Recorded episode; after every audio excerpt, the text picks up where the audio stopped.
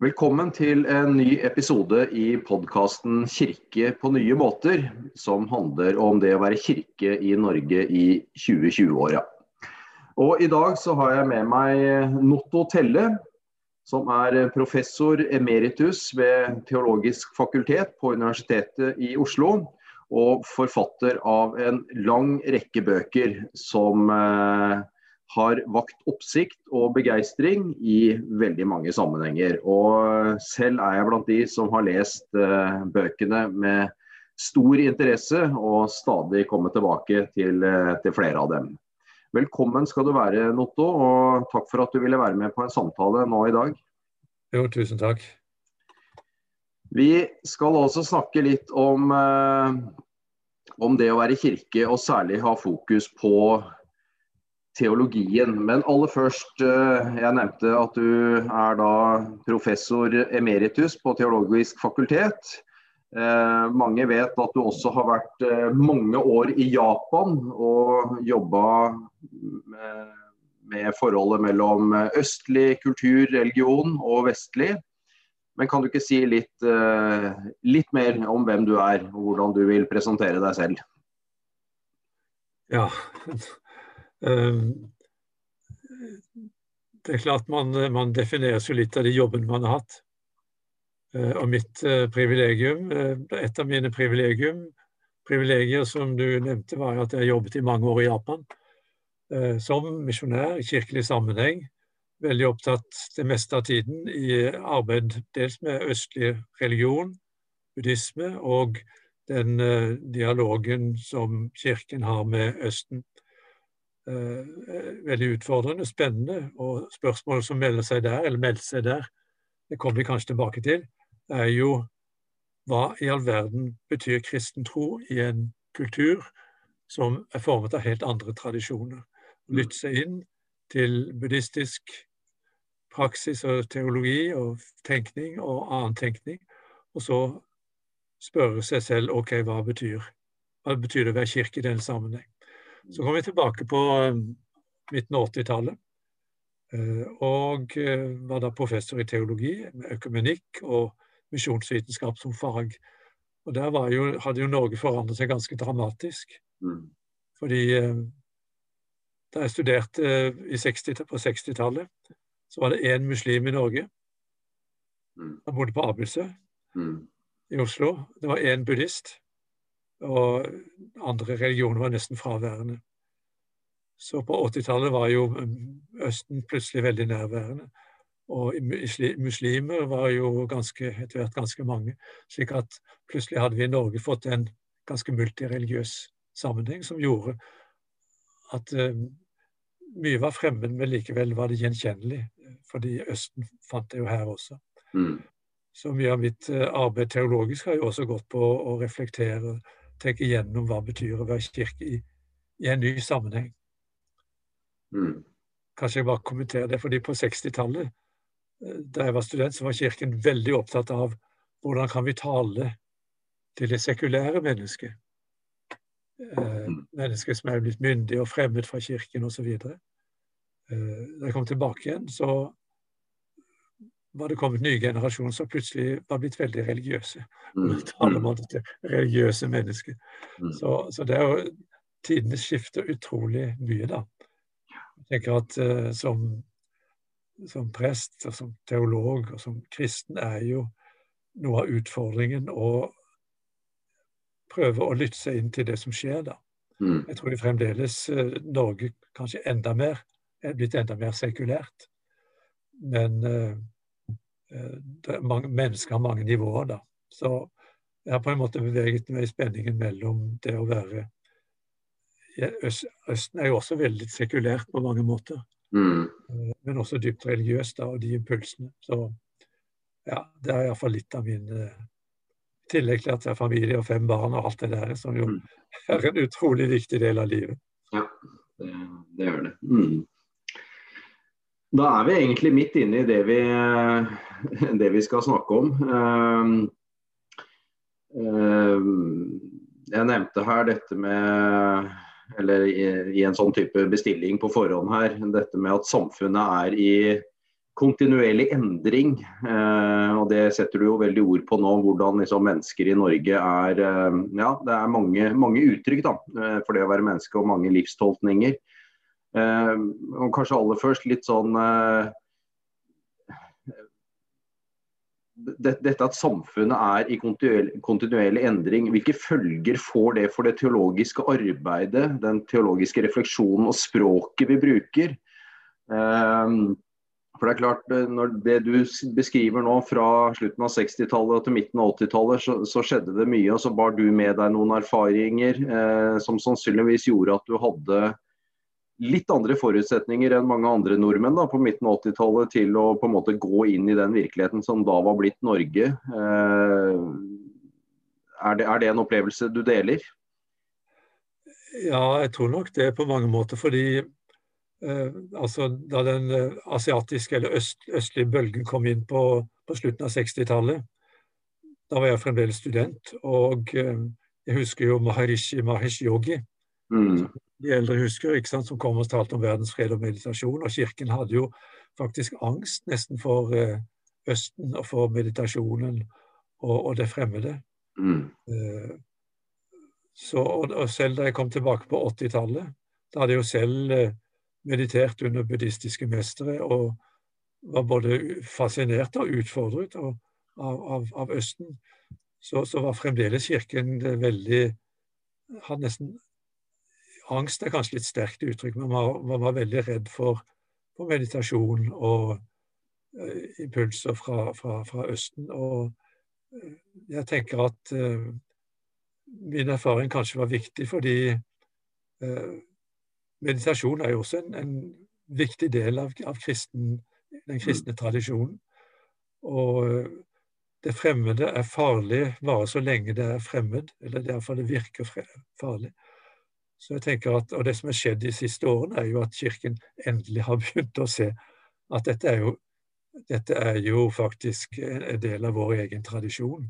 Mm. Og, og, det var faktisk ganske mange kirkelige folk, eller kristne, som måtte gå en lang omvei inn i forskjellige former for uh, si, dyp meditasjon, uh, akem, buddhistisk meditasjon, før en del faktisk oppdaget at ok, men dette er jo faktisk noe vi har hos oss selv, og gjenoppdaget det mm. igjen i, i kristen tradisjon.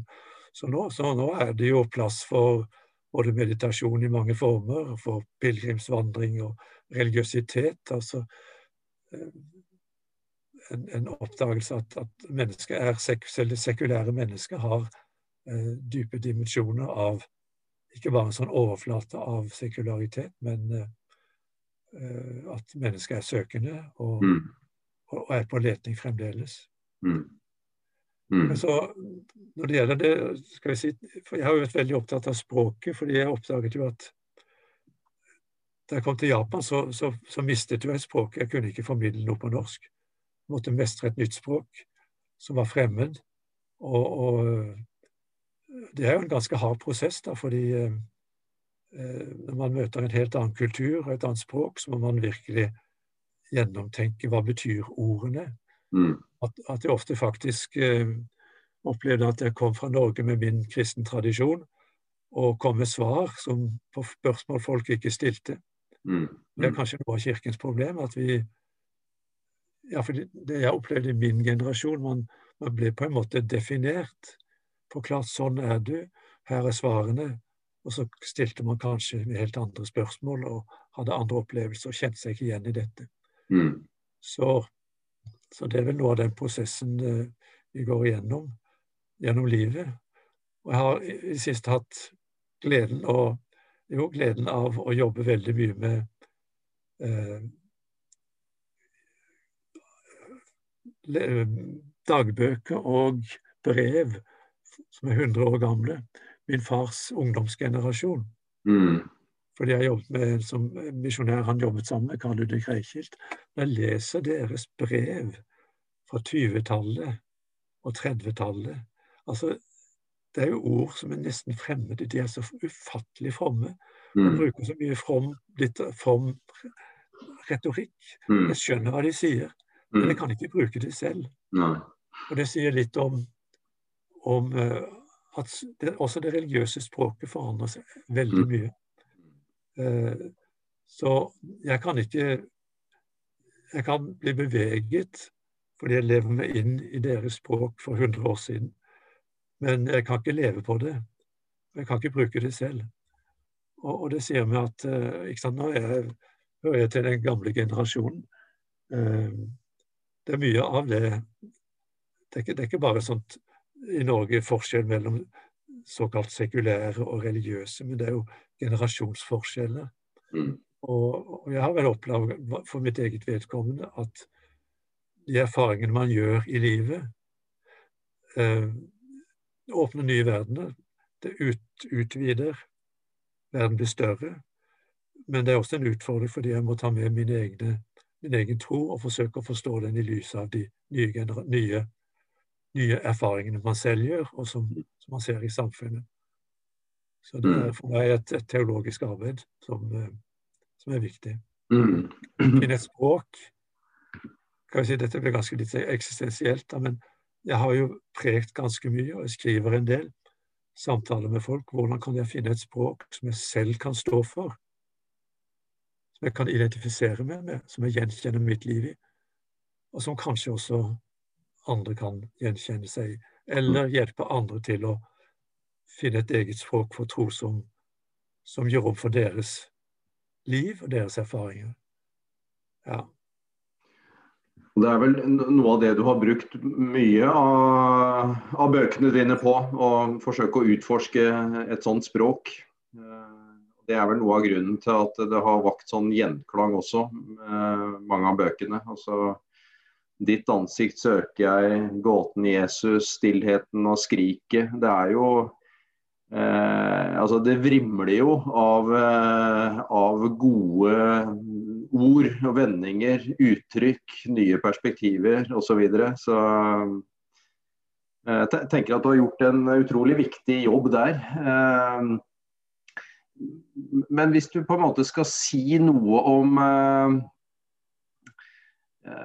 ja, En ting er liksom å få e-, ens eget liv til å passe i hop med den nye virkeligheten som trer fram. på en måte, Og på en måte kunne være sann og tro med sitt eget liv i, i det som til enhver tid er. Eh, hva har vært viktig liksom, for, eh, for, formidling av, av, tro inn i det, for din del? Ja um, Jeg vet ikke om jeg forsto helt nøyaktig hva du tenkte på? Nei, jeg tenker kanskje litt på uh, Kanskje ikke jeg vet det selv heller, men uh, litt sånn uh, Altså hva, hva, tenker du at er viktig liksom fra kristen tro som vi på en måte ta, kan ta med oss, men som finne som vi er nødt til å finne nye ord og uttrykk for. For at vi på en måte skal kunne leve i det og være sanne mot oss selv og nå i dag. da og gjerne med utgangspunkt i dine egne erfaringer. Du sier noe om at du, du, du må på, på, en måte kunne stå inne for det du sier, eh, men samtidig så er du opptatt av å ta med deg den tradisjonen du kommer fra, inn, inn i det nye. Ok, ja det er et stort, stort spørsmål. Det er et stort spørsmål. Det er det. Ja. Um, altså Man kan jo si det på mange måter. Eh, jeg opplever meg selv at eh, altså, på en måte har beveget meg i to retninger. Eh, for det første har jeg ikke sant, sånne Viktige voksenerfaringer var jo møtet med Østen og, og buddhismen. Og, mm. leve seg inn så langt det er mulig i buddhistisk tradisjon, se hvilke spørsmål de stiller. og på den måten utvide min virkelighetsforståelse eller få impulser og noe av det avgjørende i den buddhistiske tradisjonen De er ikke opptatt av Gud, men de er opptatt av å, at mennesket må finne sitt dypeste selv og komme mm. til seg selv. Mm. Eh, det kan virke veldig selvopptatt. Ikke sant? Man blir selvopptatt og digger seg selv og hvem er jeg egentlig og alt dette her. Men det er jo mm. samtidig et grunnleggende spørsmål. Eh, så, så noe av inspirasjonen i mitt liv har jo vært å oppdage at for det første, det å komme til seg selv er jo også et, en gjennomkristen eh, bevegelse. Mm. Fortelles i Jesu lignelse om den, den, eh, den, den bortkomne sønnen, ikke sant? Mm. Som, som dro hjemmefra, brøt med faren osv. Levde et elendig liv. Og så fortelles det at da kom han til seg selv Mm. og vendte hjem til sin far. Eh, Så gjennom møtet med buddhistisk tradisjon, meditasjon, eh, på en måte et, et eller annet sted i livet, eller kanskje flere steder i livet, så tvinges man til spørsmålet «Å, hvem er jeg egentlig, hva var det jeg egentlig skulle være, hva var det jeg egentlig skulle bli? Mm. Som ikke bør være, det kan være veldig selvopptatt, men det er nødvendig i en prosess. Og da tenker jeg at eh, det er den ene bevegelsen, iallfall ett punkt i Mm. bevegelsen utover. Den andre bevegelsen for meg har på en måte vært å utvide, ikke bli stående i det jeg kaller for den lille norske varianten av kristendommen. Men se at kristen tro er et, et stort univers Mm. eh, som i norsk pietistisk tradisjon, som jeg har vokst opp i, har vært en viktig del, videreført tradisjonen, men at kir kirken og kristentroen er et mye større univers. Slik at eh, jeg tror noe av det folk gjenkjenner, kanskje på en måte i det jeg skriver, er at samtidig som jeg er veldig åpen, noen vil si liberal, eh, eksperimenterende i Mm. møte med andre, så gjenkjenner de noe sånn i den, det jeg kaller den klassiske kristne tradisjonen, som Mm. går tilbake ikke bare eh, til vår egen tradisjon, men, eller lutherske tradisjon, men katolske kirke, de gamle greske fedrene, og helt tilbake selvfølgelig til Bibelen og Det gamle testamentet. Slik at man har et stort univers, Mm. et, et, en ufattelig rikdom av erfaringer og innsikter, hvor de ikke tilhører en katolsk kirke eller ortodoks tradisjon eller metodister, men det er felles gods som Mm. vi kan ønske av. Så, og, og da får man på en måte også i, i, som, som, som kristne en stort univers som jeg møtte med andre store universer, altså østenbuddhismen, andre religioner, hvor man på en måte kan inspireres av det man erfarer, vrake det man ikke aksepterer, og faktisk få en, en større tro. Mm. Mm. Jeg skriver av og til i bøkene mine om en større tro, som Mm. da ikke er nødvendigvis sterkere eller mer velformulert. Det kunne jeg av og til ønske, da. Eller eh, dypere, men hvor det er større plass Mm. Mm. til å At det er plass til hele mitt liv, Mm. med alle dets eh, motsetninger og rare ting. Men at det kan få plass, min lille fortelling kan få plass i en mye større sammenheng. Da. Mm. Mm. Det har nok møtet med Østen hjulpet meg til å, å oppdage faktisk styrken og dybden og, og spenningen i vår egne kristne tradisjon. Mm.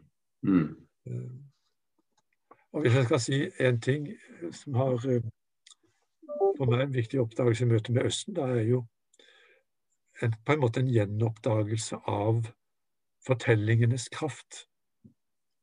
Jeg har lest mye buddhistiske tekster og buddhistiske sutra. Det er mange fine fortellinger, men det er stort sett veldig ganske abstrakt og filosofisk. Eh, mens styrken i vår tradisjon er jo at alt på en måte går tilbake til fortellinger. Mm. Hele Bibelen er samling av fortellinger. Evangeliene er fortellinger. Bitte små biter av liv. Episoder som er lenket sammen, ene etter det andre. Ikke alltid systematisk, men fortellinger som har en ufattelig kraft. Mm. Mm. Og, av det, og vi i Norge, selv også min generasjon, er på mange måter blitt litt forlegne i forhold til Jesus. Altså man, Du kan ikke sitte på et lunsjmøte i en vanlig sammenheng og fortelle om Jesus eller snakke om Jesus som naturlig. Mm. Mm. Da plutselig blir det stille, og så begynner man å snakke om noe annet. Mm. Eh, For Jesus er på en måte blitt lukket inne i en spesiell spesielle rammer. eh, Kirken, spesielle møter, spesielle talemåter. Mens Jesus hele tiden, man leser evangeliene, så sprenger han jo rammene. Mm. Han, Mm. han, det er en utrolig sånn livskraft. Og Det er vel noe av det jeg har opplevd i Østen, at disse fortellingene Det kan være for, fortellinger, lignelser, episoder, møter med mennesker osv. disse fortellingene går på tvers av religioner og geografiske grenser. Eh, språkgrenser treffer pang mennesker midt i livet. Mm. Mm. Så eh, noe av det jeg har håpet og ønsket, er jo faktisk Fordi veldig mange av ting jeg har skrevet, er jo faktisk basert eller knyttet til eh, tekster fra, fra, fra, evangeliene, særlig da. Mm. Så og, og noe av, av problemet i vår tid er jo at ok, min generasjon Vi hadde så mye skole og søndagsskole at vi lærte jo fortellingene. Nå er det jo faktisk mange som vokser opp. De har kanskje hørt en og annen fortelling, eh, men de, de, kjenner, de, kjenner, jo ikke hele dette store fortellingsuniverset i Bibelen. De er fremmede. Eh, så og det, kan, det, det, gode kan jo være at når de plutselig møter det, så, så kan det treffe dem uten disse religiøse broderiene omkring. Mm. Men uh, når man ikke kjenner den tradisjonen, så, så, har man på en måte mistet en stor del av hele vår, vår kultur og hele den religiøse tradisjonen, hele kristentradisjonen, som, som faktisk er veldig viktig. Så uh, noe av min utfordring også med det jeg har skrevet, er på en måte å forsøke å, å, å, å minne om denne fantastiske fortellerboken vi har, da, eller Mm. fortellertradisjonen. Mm. Mm. Den er mye sterkere, og det er også mye flott poesi. Så ja. Du har jo også vært en del inne på, eh, og du er inne på det nå, altså sånne kjerneord i kristen tro som nåde, frelse, synd. Ja. Og som du også eh, bidrar til eh, å forme et nytt språk rundt. Ok, ja, det er store, store tema. De store ordene, som det heter i en bok. De store ordene. Mm. Men bare en, en liten sånn eh, tillegg til akkurat det, det som vi snakket om. Mm. Jeg ble veldig fascinert av en Jeg hørte om en, en fransk pater i en bydel i Paris. Eh, hvor han opplevde at eh, folk mistet interessen. Eh, det var ingen levende liv. Og han fikk spørsmål hvorfor søker du ikke til et annet sted hvor det er mye mer liv. Mm. Og så tenker han seg om, og så svarer han nei, jeg må være her. Noen må holde ryktet om Jesus levende. Det Mm. syns jeg er en fantastisk Ja, ja. kommentar. Men det er, vel, det er vel det vi må gjøre. Vi må holde ryktet levende. Mm. Mm. Og det var jo det som spredte seg den gangen. Mm. Mm. Ok, Disse store ordene, ja. Eh, Det er vel noe av det både, både jeg og, og mange andre har, har strevd med. Eh, En svensk eh, religionspsykolog som, som har beskrevet vårt forhold til språket, til det kristne språket med tre stikkord. Ord som stenger, ord som mangler, Mm. og ord som åpner. Mm. Det er kanskje min generasjons problem, eller folk som er vokst opp i veldig i tradisjonelle kristne miljøer, at man underveis får problemer med ordene. Mm. De er- er så preget av viss type retorikk, viss type eh, erfaringer. De skal passe inn i en spesiell ramme, slik at de blir vanskelige. Jeg tror nok for mange i vår, min, altså nye generasjoner, er at de, de mangler ord. De, de har ikke ord. Mm. Eh, De, de, de, har ikke et religiøst språk, så de, de, de kan bruke dem, og så må de lære ting på ny. Eh, Men altså, du nevnte ordet Var det nåde du nevnte? Ja. Nåde, frelse, synd. Ja. Mm. Ja, ikke sant? Jo, fordi um, Hva forbinder, og, forbinder folk med frelse? Uh, det er et av de ordene jeg selv har strevd med, for å si det, for å si det enkelt. Fordi det ble så knyttet til visse typer opplevelser i oppveksten. Viss Mm. type forkynnelse som skulle først på en måte Jeg vet ikke hvordan det var i, i metodisten hos dem, men det var sikkert litt av det samme. Mm. eh, som skulle først på en måte bearbeide oss, finne frem til de svake punktene, fortelle oss hvor syndige vi var- Og det var prester eller predikanter som på en måte lette seg fram til de svake punktene. Kanskje hadde med seksualitet og, og, vanskelige ting å gjøre. Og når vi virkelig opplevde at vi var skikkelig syndere, så kom de med nåden da, Mm. som, som, som svaret. Eh, det er jo sterke opplevelser i barndommen eller i oppveksten. Men eh, eh, hvis det bare knyttes til den type ting, så, så, så blir jo nåde eh, Det blir noe man på en måte må krype for.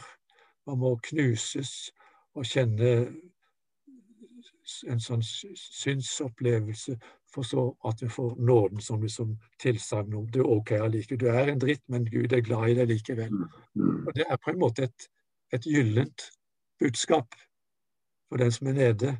Men når det på en måte manipuleres og skapes, man hele tiden kommer tilbake til det samme igjen og igjen og igjen, synd og nåde, synd og nåde, så blir det ødelagt. Og, og, og frelsen da som selve nådetilsagnet.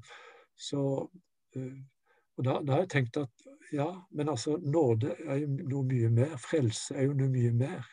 Det er ikke bare den spesielle opplevelsen. Eller som det er i annen tradisjonell forkynnelse, frelse. Jo, det er, det er, å komme til himmelen, det er sjelens salighet, det er det evige liv osv. Mm. Ja, det er en, en, en, en hoppsdimensjon, men, men, frelse, hvis jeg leser Bibelen, så er frelse noe, noe mye mer. Eh, det er redning, Mm. Eh, det er eh, og, og, også synd er også noe mye mer. Men for å holde meg til, til akkurat dette ordet frelse, da. Frelse er Vel, har det sammen, det, det norrøne ordet. Frelse kommer fra frihals. Mm, det er mm. frigjøring, ikke sant. Det er, det er den lenkede eller bundne mennesket som, som frigjøres. Fri, frihals og frigjøring jo, og redning høres kan vi si, mer allment ut enn en frelse som, som religiøst ord. Men øh, øh, jeg tenker at øh, en del av de ordene må, må luftes i møte med nye erfaringer. jeg har ja, jeg har et par stikkord her tenkte jeg skulle finne frem. Ehm, for, for frelse er noe mer da enn um, opplevelse av den uverdige som bøyer seg. Uh, frelse i Bibelen, hvis vi leser evangeliene eller andre steder i Bibelen, så, så, så, er det veldig nært og konkret. En frelser er en redningsmann. Uh, en hjelper som kommer i det rette øyeblikk. Det kan være, Dette er ganske bibelsk. Det er en, en dommer som motstår bestikkelser og hjelper den uskyldige fattige til å få sin rett. Eh, det er et folk som er i ferd med å bukke under for fienden og få hjelp. Det er hjelp i havsnød. Det er en som med fare for sitt eget liv hjelper en som er angrepet. Eh, det er eh, ja, mennesker som blir hjulpet i forskjellige sammenhenger. Og Da tenker jeg også på eh, beretningen om Sakkeus. Det er ikke alle som husker ham, men tolleren, ikke sant? Mm. Som gikk rundt og var rik og ble foraktet av alle. Så kommer Jesus, tar, Jesus ber seg selv hjem til ham, og han føler at plutselig blir han eh, verdsatt som menneske. Han er ikke denne foraktede tolleren som snyter folk for penger. Og Så sier Jesus, og så reiser han denne Sakkeus opp og sier at i dag skal jeg gjøre opp det jeg har gjort urett. Alle som har blitt snytt for penger, skal få det tilbake, osv. Halvdelen av det mitt liv gir til de fattige. Og så sier Jesus i dag er det kommet frelse til mm. dette hus. Hva i all verden betyr det? Mm. Betyr det at han skulle komme til himmelen? Nei, jeg tenker at Han hadde fått et helt nytt liv. Han hadde fått gjenreist sin verdighet. Han hadde fått gjort opp med alle dem han hadde gjort urett mot. Han var blitt et nytt menneske. Det er frelse. Det, mm. det, er, slik, det er slik Jesus møtte også mennesker i sin egen tid. Og det står ikke bare at han hadde fått frelse, men hele hans hus. Altså Det var et, et, et hel familie som hadde fått nyverdighet. Og da mm. tenker jeg at for frelst er mye videre betydning. Mm. Mm. En annen, Nå bare assosierer en annen fortelling i, i Bibelen hvor en, en veldig from eh, mann skriftlig kommer til Jesus og spør hva skal jeg gjøre for å få evig liv? Det er et veldig religiøst spørsmål. ikke sant? Mm. Mm. Eh, og så, spør, så sier Jesus OK, men du vet det jo. Hva leser du? Jo, sier han, du skal elske Herren din Gud. Det står i Bibelen. Du skal elske din neste som deg selv. Ja, sier Jesus. Men så gjør det, da. Mm. Mm. Det er det livet består i. Så spør han ok, men hva er eh, Hvem er min neste? Han skal på en måte forsøke å snike seg unna for en teoretisk definisjon. Mm. Jesus svarer ikke, men gir han en fortelling Mm. om den barmhjertige samaritan som Ja. hjalp henne. Mm. Og, og, og, og hjalp han med fare for sitt eget liv. Og så spør Jesus Han definerer ikke hva en neste er, men han spør et veldig konkret spørsmål. Hvem viste seg for den andre som en neste? Mm. Og så må han selv svare jo, den som gjorde barmhjertighet. Og så sier Jesus, går du bort, gjør likeså. Det begynner med et veldig teoretisk spørsmål om det evige liv, og det ender med noe helt konkret. Mm. Å gjøre, være et menneske for sin neste. Mm. Mm. Og hvis vi kan i våre liv, i vår samtale med andre mennesker, kan få folk til å leve det selv, og få folk til å forstå at å være menneske og det sanne livet, eventuelt det evige, det er faktisk eh, Du skal elske Herren din Gud. Du skal elske din neste som deg selv. Eh, for mange er det å elske Gud kanskje litt fremmed, men eh, man vet hva andre mennesker er. Og, og, og kristen tro er OK, det er det store håpet. eh, Det er å tro på Gud. At, vi har faktisk eh, Det å være menneske er å ikke være sånn tilfeldig noe vi er blitt til sånn ved tilfelle, uten mening og mål, men at vi faktisk har et opphav. At vi, vi, er et, vi, vi har et oppdrag, et, et liv å fullende. Ikke ferdig definert, men at, at en, en av livets rikdommer er da på en måte å ha en relasjon, eller søke en relasjon til Skaperen, som har gitt oss liv, og til vår neste. At det er der faktisk livet får mening. Mm. Vi er ikke isolerte, isolerte bitte små individer, som vi fort blir. Ikke minst i denne koronatiden. Men det er kanskje i denne tiden vi også har lært hvor ufattelig viktig det er å ha relasjoner. og Det er faktisk der troen utfolder seg, da. Mm. Og der er du inne på noe av det som jeg opplever at, at på mange måter er det som du tenker er det viktigste Kirken har å formidle til folk i dag. Dette med å liksom eh, hjelpe mennesker til å leve. Du skriver bl.a. i 'Ditt ansikt søker jeg' om dette med det oppreiste mennesket. ikke sant? Å bruke Maria som, eh, som et forbilde. En som våger å reise seg opp i sin fulle høyde og møte Gud ansikt til ansikt også, men vedkjenne seg sitt liv. Eh, Ja. eh, Ta imot livet som en gave fra en skapende Gud som vil noe godt for oss. Ja. har, eh, ja, Maria er jo interessant, fordi hun blir jo ofte beskrevet som den, den ydmyke som bøyer seg osv. Mm. Men det er jo ingen Det er få kvinner som har uh, brukt så sterke ord om sin egen personlighet som henne. Mm. Mm. Eh, fra nå av alle, alle priser meg salig, f.eks. Mm. Det er ganske sterkt. Er det. Eh, I en av bøkene så har jeg jo faktisk definert nåde som det å rette seg opp i sin fulle høyde. Mm.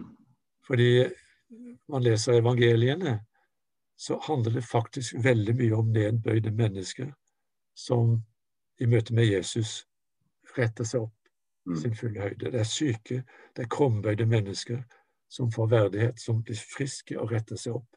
Det er foraktede, nedtråkkede mennesker som Jesus eh, gir verdighet. De, de ser seg om og ser andre mennesker inn i øynene uten skam. Mm. Eh, Så, og det, det syns jeg er et, et uh, utrolig sterkt bilde på det motsatte av altså det, det, Når Jesus kunne bruke utrolig sterke ord om synd, vi var så vidt inne på det, men når han taler om synd, så, så, så snakker han oppover Mm.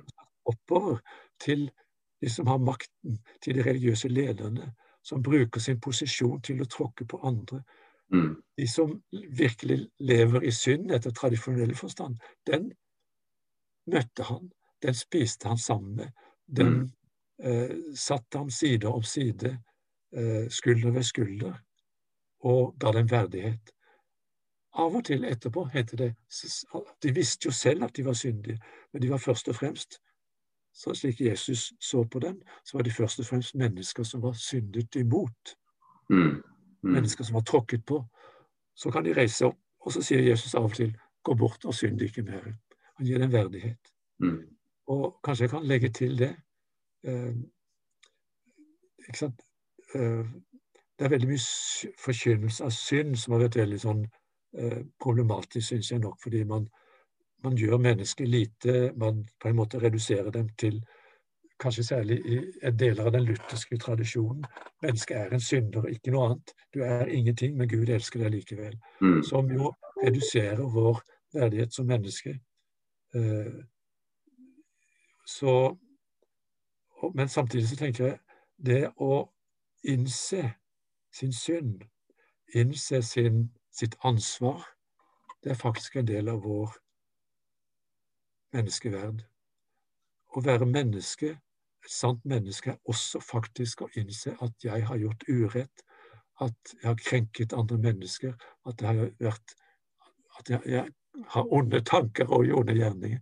Mm. Og vedstå seg ved det, det er noe helt fundamentalt i det å være menneske. Mm. En menneskerett, faktisk. Eh, og en, en plikt å innse det. Og det er vel svenske biskop Hva heter han igjen, da? Uh, Lønnebo. Mm. skrevet en liten bok om, om, uh, om, om, livets nøkler.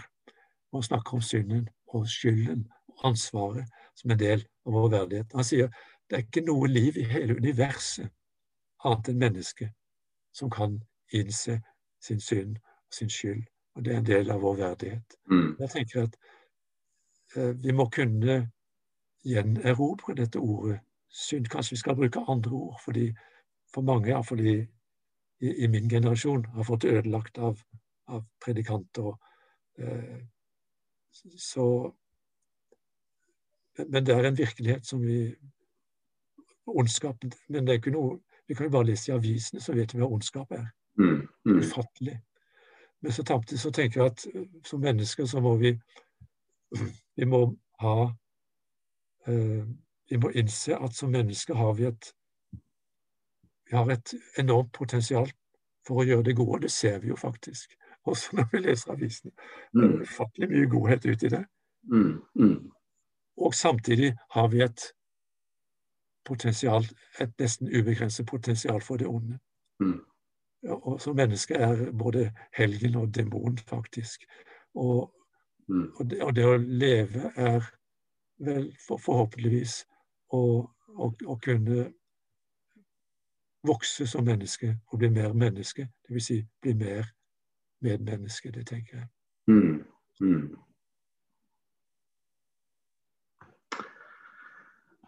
Og så, sånn sett så uh, er vel uh, altså et sånt helhetlig kristent menneskesyn, det er det du er inne på nå, uh, egentlig.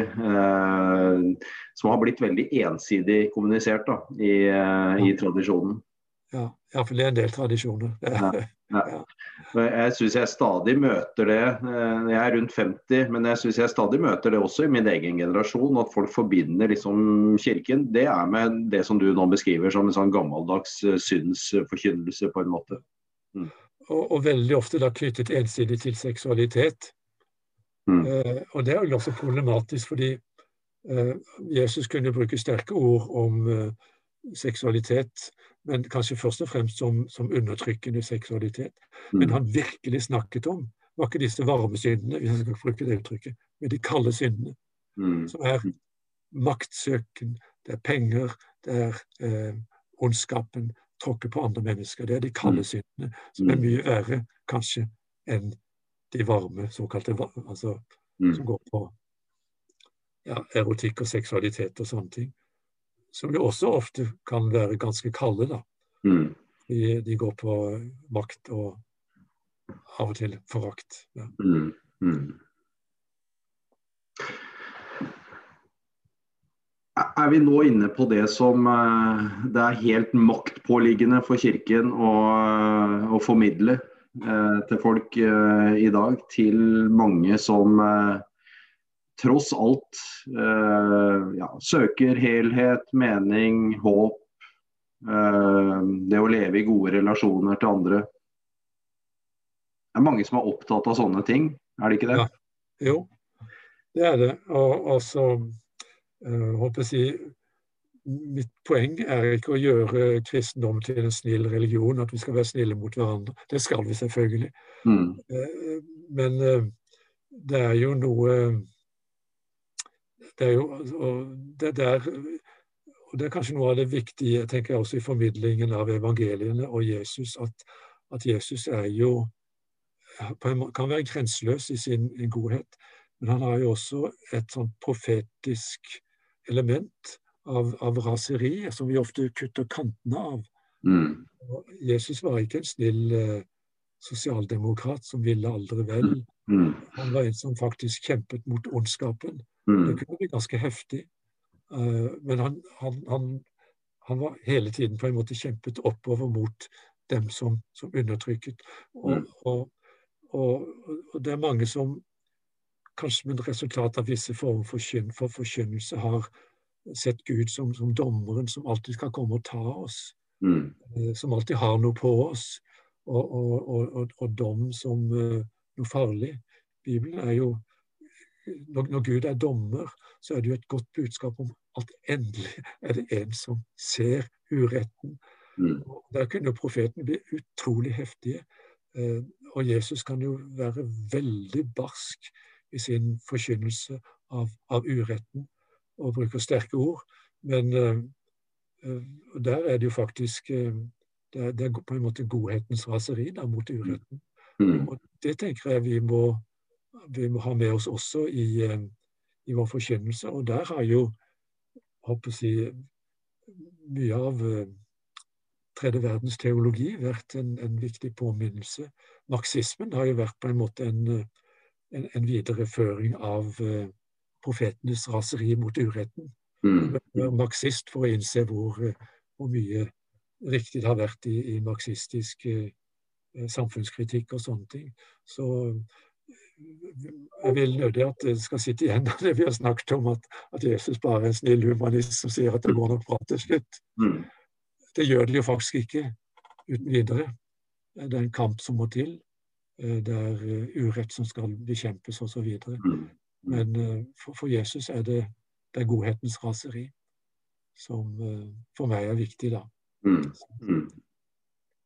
Og så er du inne på nå eh, noe som jeg også tenker er viktig, og som eh, at, kristen tro på en måte hele tida må leves i en sånn dialog med omverdenen, og at vi på en måte ikke er sanne mot kristendommens eh, natur og vesen, holdt jeg på å si, hvis vi på en måte isolerer oss fra annen type kunnskap, enten det kommer fra andre religiøse tradisjoner eller eller ting som skjer i samfunnet for øvrig. At vi, vi, har på en måte alltid levd i den vekselvirkningen der gjennom 2000 år. Og, og vi kan på en måte ikke stoppe opp og la oss uh, uh, inspirere av og lære av andre tradisjoner. Enten det er ja, buddhisme som det gjelder, eller østlig religiøsitet, da, som har vært viktig for deg. Uh, men også liksom det sekulære som vokser fram. på en måte. Vi, vi lever i en, i en, sånn nærdialog med det, og vi, vi, må på en måte ta det på alvor. da.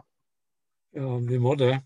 Og altså på, på, Iallfall på to måter. For det første det som, som, som ligger i uh, hele sekulariseringsprosessen, som jo faktisk også er noe positivt.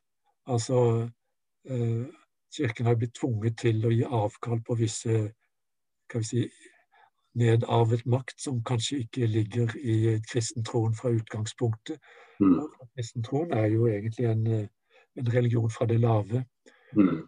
Så, så, det er det ene, altså det positive, at, at um, sekulariseringen har frigjort oss fra mange typer autoriteter som ikke nødvendigvis bør være autoriteter. Vitenskap, samfunnsvitenskaper, mm. psykiatrien, ja, verdensbildene osv. Mm. Det andre er, som vi tenker oss, som vi av og til eh, som teologer og kristne glemmer, at vi faktisk selv er så preget av det moderne at vi kanskje mister tryggheten for den religiøse dimensjonen. Mm. Altså, for eksempel, da, da nyreligiøsiteten kom på 60- og 70-tallet, eh, og folk hadde gjort sterke religiøse erfaringer, så, så var det mange prester og, og, og sjelesørgere som følte seg fremmed for det. Altså de, de, visste ikke hva de skulle gjøre. Folk hadde sterke religiøse erfaringer.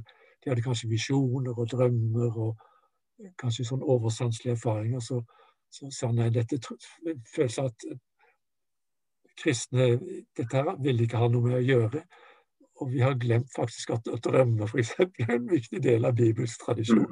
Mm. At uh, helbredelser også er en del av den kristne tradisjon. Så, så, så gjennom 200 års modernitet er vi kanskje blitt sånn sosialisert inn i en slags sekulær virkelighet. Mm. Så vi, vi, vi har vanskelig for å en, en del si, uforklarlige ting. Og da tenker jeg at undringen undring faktisk er en, en viktig del av uh, religiøsiteten, det religiøse mm. livet, det kristne troslivet. Mm. Mm. Det er uh, veldig spennende å, å, sitte og høre på deg. Du, uh, du er en uh, utrolig frisk stemme inn i, inn i, den norske teologiske samtalen.